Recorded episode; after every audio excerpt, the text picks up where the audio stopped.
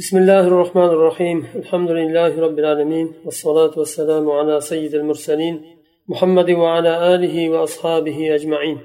اللهم علمنا ما ينفعنا وانفعنا بما علمتنا وزدنا علما يا عليم. أصول فقه الاجتهاد في تحقيق المناط. degan temada to'xtagandik tahqiqil manot illatni aniqlashlik asldagi hukmning illati farada ham bormi va aniq shu illatmi boshqami إنما تقدم ذكره هو بيان للاجتهاد في معرفة الحكم وبيانه yuqorida o'tgan darslar u hukmning bilishlik va hukmning bayonini bilishlikdagi ijtihodning bayoni edi hukm va uning bayonini bilishlikdagi ijtihodning bayoni edi yuqorida وقد تقع معرفة الحكم دون اجتهاد بل بالتقليد ممن لا يتمكن من الاجتهاد ba'zida hukmni bilishlik ijtihodsiz ham bo'ladi taqlid bilan bo'ladi ijtihod qilolmaydigan kishi mushtahidga taqlid qiladida hukmni mushtahiddan oladi ولكن هناك نوع من الاجتهاد آخر لا بد منه لكل من يتولى القضاء في أمر ما أو يتولى الإفتاء في مسألة من المسائل حتى لو كان مقلدا لكن boshqa bir ijtihodning turi bor bu turni har bir qazoni o'zini zimmasiga olgan biror bir ishdan yoyinki fatvoni zimmasiga olgan har bir kishi bu narsani bilishlik kerak agarchi muqallid bo'lsa ham mushtahid bo'lishligi shart emas ويسمى هذا النوع تحقيق المناط بطر تحقيق المناط ديلا أي تحقيق وجود مناط الحكم في الواقعة المحكوم فيها أو عدم وجوده يعني نما ديجان تحقيق المناط واقع بجان masalaning hukmida ya'ni hukmini chiqarishlik kerak bo'lgan voqe bo'lgan masalada aslning hukmi hukmning illati bormi yoyinki yo'qmi? Shuni aniqlashlik masalan yangi bir nima sodir bo'ldi? Uni qur'onda hadisda to'g'ridan to'g'ri uni hukmi yo'q. Uni eng yaqin bir nimaga qiyos qilishga majburmiz. Qiyos qilishlik uchun qaysi masalaga? Qiyos qilishimiz mumkin. Va shu qiyos qilishligimiz kerak bo'lgan masalaning hukmi nima harommi halolmi yo vojibmi boshqami undan keyin hukmini chiqarishni istagan masalani qaraymiz shu qiyos qilinadigan hukm masaladagi manot bunda ham bormi yo'qmi ويمثل له علماء الأصول بأن الشرع أوجب للمرأة النفقة بقدر كفايتها فإذا حكم القاضي على الزوج بنفقة شهرية لزوجته مقدارها خمسون دينارا مثلا يكون القاضي لابد قد حقق باجتهاده وجود الكفاية وهي مناط الحكم في الخمسين دينار التي حكم بها. مثال beryaptilar usuliylar bir misol keltiradi aytadi shariat erkak kishiga ayolni nafaqasini vojib qildi va shu nafaqasi kifoyat darajasida bo'lishligi kerak. Ya'ni kifoya qiladigan darajada. Undan ko'p bo'lishligi shart emas. Ko'p beradigan bo'lsa o'zi biladi. Oz berishligi mumkin emas. Agar qozi oylik nafaqa erga vojib qiladigan bo'lsa xotiniga to'lashlik uchun va miqdorini xamsina dinar ellik dinor dedi. Demakki qozi buni o'rganib chiqib turib shu ellik dinor kifoya bu kishiga deb beryapti. Yeb ichishi kiyinishi dori darmon asosiy kerak bo'lgan narsalarni qozi o'rganib chiqadi. Undan keyin bir raqam beradi. Mana shuni har oy to'laysiz dedi. Demak qozi buni hukmni chiqarganda kifoya qiladigan darajada ekanligini o'rganib chiqqan va bu manotil hukm hukmning manoti deyiladi. Illati. وسيأتي لهذا النوع مزيد بيان في باب الإفتاء إن شاء الله. إفتاء بابدا يعني بشقى مصلر هم كلا تقليد المجتهد لمذاهب الغير. مجتهد بشقى كشن مذهب تقليد قلادما. إذا اجتهد العالم المؤهل للاجتهاد في مسألة وتوصل إلى الحكم فيها فليس له تقليد غيره ممن يخالفه القول في تلك المسألة. أجر ijtihodga ahl bo'lgan bir olim ijtihod qilib bilsa bir masalada va hukmga yetib bilsa shu o'zini ijtihodi va ilmiy malakasi bilan u kishi boshqasiga ergashishligi mumkin bo'lmaydi u kishiga xilof hukm chiqargan boshqa mushtahidlarga ergashishlik to'g'ri bo'lmaydi ammo illam yishtahid فإن لم يكن لديه متسع من الوقت قبل العمل فله أن يقلد غيره agar ishtihod qilmasa va shu ijtihod qilishlik uchun amaldan oldin uni o'tirib ishtihod qilib hukmni chiqarishlikka vaqti bo'lmasa u holda boshqasiga taqlid qilsa bo'laveradi وإن كان لديه متسع من الوقت فقد قيل يجوز له التقليد agar vaqti bemalol bo'lsa shu vaqti bo'lishiga qaramasdan boshqaga taqlid qiladigan bo'lsa ishtihod qilmasdan ba'zilar uni bo'laveradi joiz dedi والأولى أن يقال في الحالة الأخيرة ليس له أن يقلد غيره مهما على مقام ذلك الغير بل عليه أن يستعين بالله ويستمد منه التوفيق ليحاول الوصول إلى مطلبه من الدلائل على الحق التي بثها الله في كتابه وسنة نبيه لتكون منارا للحق ويهتدى بها في الظلمات. ba'zilar uni joiz dedi vaqti bo'lib turib bo'sh vaqti bor ishtihod qilishga lekin o'zi ishtihod qilmasdan boshqa mushtahidga taqlid qila qilsa bo'laveradi degan ba'zilar shayx rahimalloh aytyaptilarki oxirgi holat ya'ni ijtihod qiladigan darajada ilmi malakasi bor va vaqti ham bor lekin ijtihod qilmasdan boshqaga taqlid qilishlikni to'g'ri bo'lmaydi deyaptilar.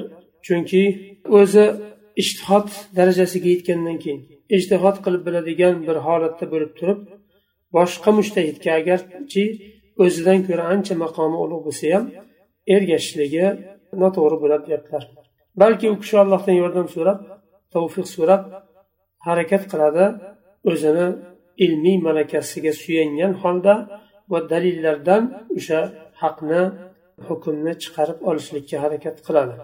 Alloh taolo qur'onda payg'ambarni sunnatida dalillarni nozil qilgan vorid qilgan dalillardan foydalangan holda hukmni chiqarishligi lozim bo'ladi وإن قلد وهو قادر على الوصول إلى الحق بنفسه دون أن يكون عليه في ذلك ضيق وحرج فقد أخطأ أجر o'zi hukmni chiqarib berishlikka qodir bo'lib turib boshqasiga taqlid qiladigan bo'lsa bu holatda bu kishi bu mushtahid xato qiladi vaqti bemalol bo'lib turib vaqti bemalol hech qaysi tarafdan qandaydir bir nima torlik bir nima yo'q kasal ham emas yo zindonda ham emas masalan yonida foydalanib bilishlik uchun kitoblari bir marji bo'lishligi uchun bir suyanishga imkon bo'lmasa masalan فينضم إلى ذلك التعصب لإمام معين لا يقبل إلا قوله ولا يتبع إلا مذهبه فقد حرم نفسه خيرا كثيرا. وما من أحد إلا يصيب ويخطئ. فينضم إلى ذلك نهي غيره عن الاجتهاد وألزمهم بالتقليد والتعصب لمن يقلدهم. كان ممن يدعو الناس إلى الضلالة عن الهدى وإلى إلغاء عقولهم التي وهبهم الله. ويحول بينهم وبين فهم كتاب الله وسنة نبيه صلى الله عليه وسلم. Bundan tashqari yana buni ustiga ustun yana bir muayyan bir imomga taassub qilsa o'zi ishtihodga ahl bo'lib turib ishtihod qilmadi boshqaga taqlid qildi buni xato deyildi yana bunga qo'shimcha yana buni ustiga yana bir muayyan bir imomga taassub qilsa faqatgina o'sha shu imomni so'zini qabul qilsa faqatgina shu imomni mazhabigagina ergashsa dalili kuchlimi yo zaifmi deb tekshirmagan holda bunday holda o'zini xayrdan mahrum qilgan bo'ladi. Biror bir inson yo'qki ya'ni har qanday inson to'g'ri ham nima qiladi? Xato ham qiladi. Hukm chiqarganda ham bir fikrini aytganda ham xato ham qilishi mumkin to'g'ri ham bo'lishi mumkin. Va bundan tashqari yana buni ustiga ustun yana boshqalarni ijtihoddan qaytaradigan bo'lsa ijtihodga qudrati yetadigan darajada ilmiy malakasi bor odamlarni ham ijtihoddan qaytaradigan bo'lsa va taqlidga undaydigan bo'lsa ularni taassubga undaydigan bo'lsa u holatda u kishi odamlarni hidoyatdan zalolatga chaqirgan bo'ladi.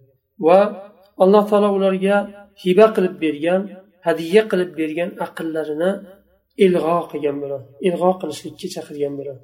Va ular bilan odamlar bilan ollohni kalomini va rasulini sunnatini fahmlashlikni tushunishlikni o'rtasini to'sishga sabab bo'ladi بالإضافة إلى أن هذه الدعوة تفرق جماعة المسلمين وتجعلهم كمن قال الله فيهم كل حزب بما لديهم فرحون وشبرا برقريدة بو دعوة مذهب برسلك تعصب bu musulmonlarning jamoatini tafriqaga soladi va ularni alloh taolo kitobida aytganidek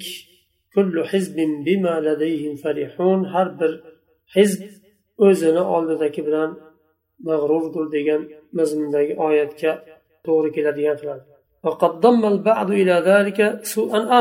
ba'zilar undan ham boshqa bir yomonlikni su'ni nima qildi ziyoda qildi bu nimaga أقفل بابه وهذا سوء ظن بالله تعالى ba'zilar aytadiki bu yanayam yomonroq narsa. Ishtihodni eshigi yopilgan deydi. Mushtahidlar tamom keraklik ijtihodni qilgan kitoblarni yozgan har qanday masalada ular ijtihod qilib meroslarni qoldirgan ilmni. Va ulardan keyin ijtihod yopildi tamom. Shu ijtihod qilingan tayyor mazhablarga ergashilinadi deganlar ham bor. U alloh taologa nisbatan suuzon yomon gumon qilishlik bo'ladi. وقد استقر عندهم تقسيم الأمة إلى مذاهب. تعصب كل قوم لمذهبهم. وكانت هذه الطريقة طريقة التعصب المذهبي فاشية في العصور المتأخرة حتى منتصف القرن الهجري المنصرم ثم تراخى هذا التعصب عند الفقهاء. ular to'rtta mazhabga ummatni bo'lib qo'ydi shu narsa ularni zehnida qotdi va ulardan har biri o'zlarini mazhabiga yopishib oldi taassub qilib. Va bu tariqatni taassubul mazhabiy mazhabiy taassub tariqati deb nomlanadi. Va bu o'tgan asrlarda mutaaxirinlarni asrida ya'ni mutaqaddimin emas mutaqaddimin ular saraflar. Mutaaxirin keyin kelganlar. Mana o'tgan hijriy asrni o'rtalarida shu narsa kuchaydi.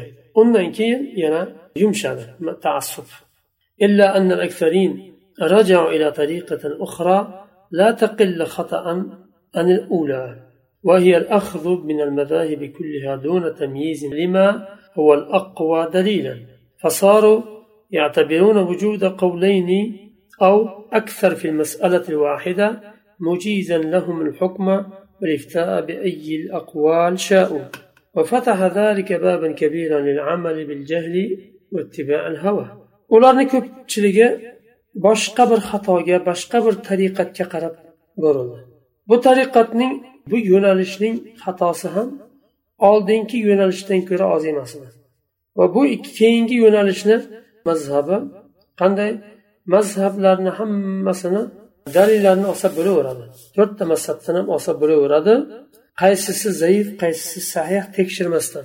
Agar bir masalada ikkita yo uchta yo undan ko'p qovul bo'ladigan bo'lsa va istaganingizni olaverasiz degan fatvoni berishdi. Va bu fatvo jahl bilan amal qilishlikka eshik yo'lni ochib berdi boshqalarga va havoga qarab ergashib ketishni nafsni orqasidan ergashib ketishga yo'l ochib berdi. To'rtta mazhabni bitta qilib turib eng nafsiga to'g'ri keladiganiga ergashsa odam agar adashib ketadi. Chunki ya'ni ba'zilar faqat ruxsat izlab yuradi. Maqsad har qanday ishda shunda bir istisno bormi? Shunda bir ruxsat bormi? Masalan namozni kechiktirsa ruxsat bormi deydi. Yo qolib ketsa vaqti chiqqandan keyin o'qisa ruxsat bormi deydi. Yo falon ishni qilishga ruxsat bormi yo'l bormi? Bir mazhabdan bir narsaga yo'l topadi ikkinchi mazhabdan boshqa narsaga yo'l topadi mazhablarni jamlab turib butun ruxsatlarni jamlab yuradiganlar topiladi. والواجب على علماء الملة أن يجعلوا اعتمادهم على كتاب ربهم وسنة نبيهم ينهلون من منبعيهما الصافيين ويسترشدوا لفهمهما والاستنباط منهما بطرق من سبقهم من الأئمة في الاستنباط ويعمل فيما تتعدد فيه الوجوه بأرجح الأقوال بحسب ما يهديهم الله إليه متبعين ما تقرر في علم الأصول في باب التعارض والترجيح والله يهدي من يشاء إلى صراط مستقيم. ummatning olimlariga vojib bo'ladi e'timodlarini allohni kitobiga va rasulini sunnatiga suyantirishliklari vojib bo'ladi.